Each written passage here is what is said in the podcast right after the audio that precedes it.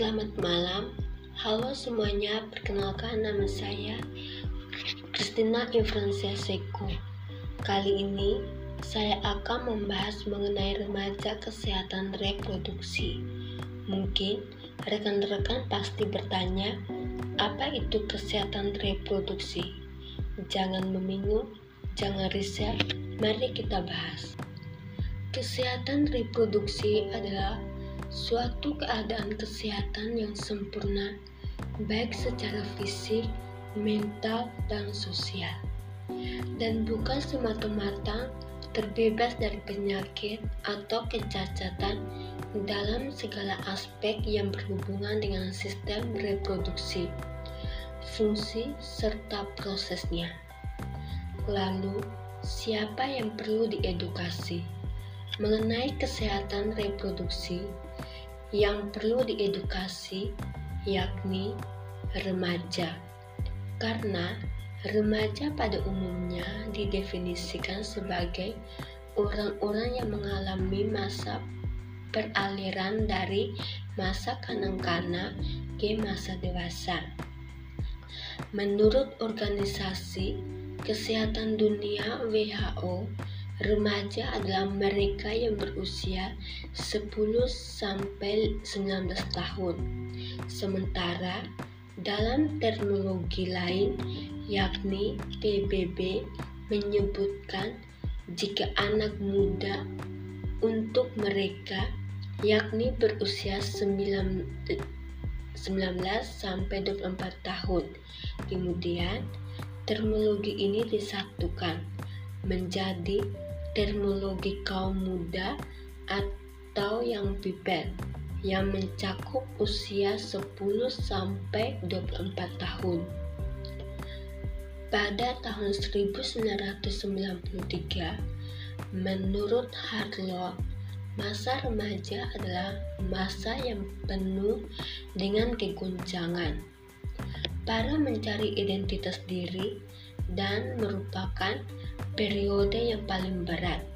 Sedangkan di tahun 1995, menurut Pisrit, remaja adalah mereka yang telah meninggalkan pasangan kanak-kanak yang penuh dengan ketergantungan dan menuju masa pembentukan tanggung jawab.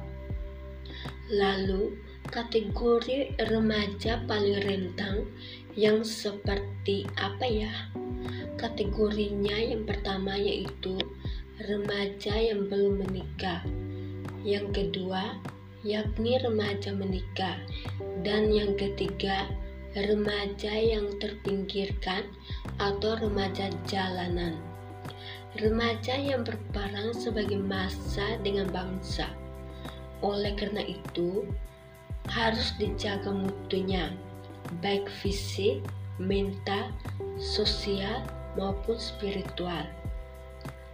Jika dilihat dari faktor demografi, permasalahan remaja yang sering muncul yakni karena sejumlah remaja yang sangat banyak.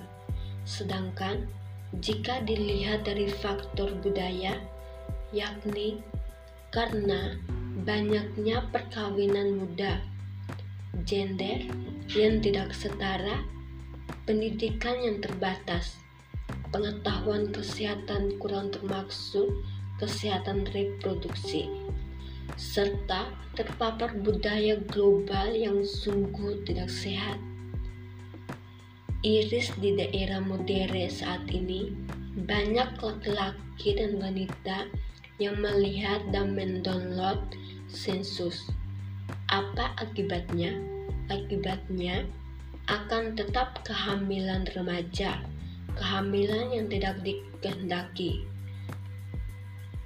abortus yang tidak aman, atau HIV dan HID. Yang paling batal mungkin sering terjadi yakni pelecehan dan kekerasan seksual. Hal itu tertentu akan terdampak pada masa di depan bangsa. Oleh karena itu, perlu adanya pembinaan kesehatan reproduksi atau KII yang bertujuan untuk mening meningkatkan derajat kesehatan remaja sebagai apa? Sebagai generasi penerus dan sebagai orang tua yang bertanggung jawab. Lalu, pertanyaannya, apa yang perlu diketahui oleh remaja tentang kesehatan reproduksi? Struktur organ reproduksi wanita meliputi organ reproduksi internal dan organ reproduksi eksternal. Keduanya saling berhubungan dan tak terpisahkan. Masa remaja juga dicirikan dengan banyaknya rasa ingin tahu pada diri seseorang dalam berbagai hal, tidak terkecuali bidang seks. Seiring dengan bertambahnya usia seseorang, organ reproduksi pun mengalami perkembangan dan pada akhirnya akan mengalami kematangan. Pada masa pubertas, hormon-hormon yang mulai, mulai berfungsi. Selain menyebabkan perubahan fisik, tubuh juga mempengaruhi dorongan seks remaja. Remaja mulai merasakan dengan jelas meningkatnya dorongan seks dalam dirinya. Misalnya, muncul ketertarikan dengan orang lain dan keinginan untuk mendapatkan kepuasan seksual. Kematangan orang reproduksi dan perkembangan psikologis remaja yang mulai menyukai lawan jenisnya serta arus media informasi baik elektronik maupun non-elektronik akan sangat berpengaruh terhadap perilaku seksual individu remaja tersebut. Sebagai akibat proses kematangan sistem reproduksi ini, seseorang remaja sudah dapat menjalankan fungsi prokreasinya. Artinya, sudah dapat mempunyai keturunan. Meskipun demikian, hal ini tidak berarti bahwa remaja sudah mampu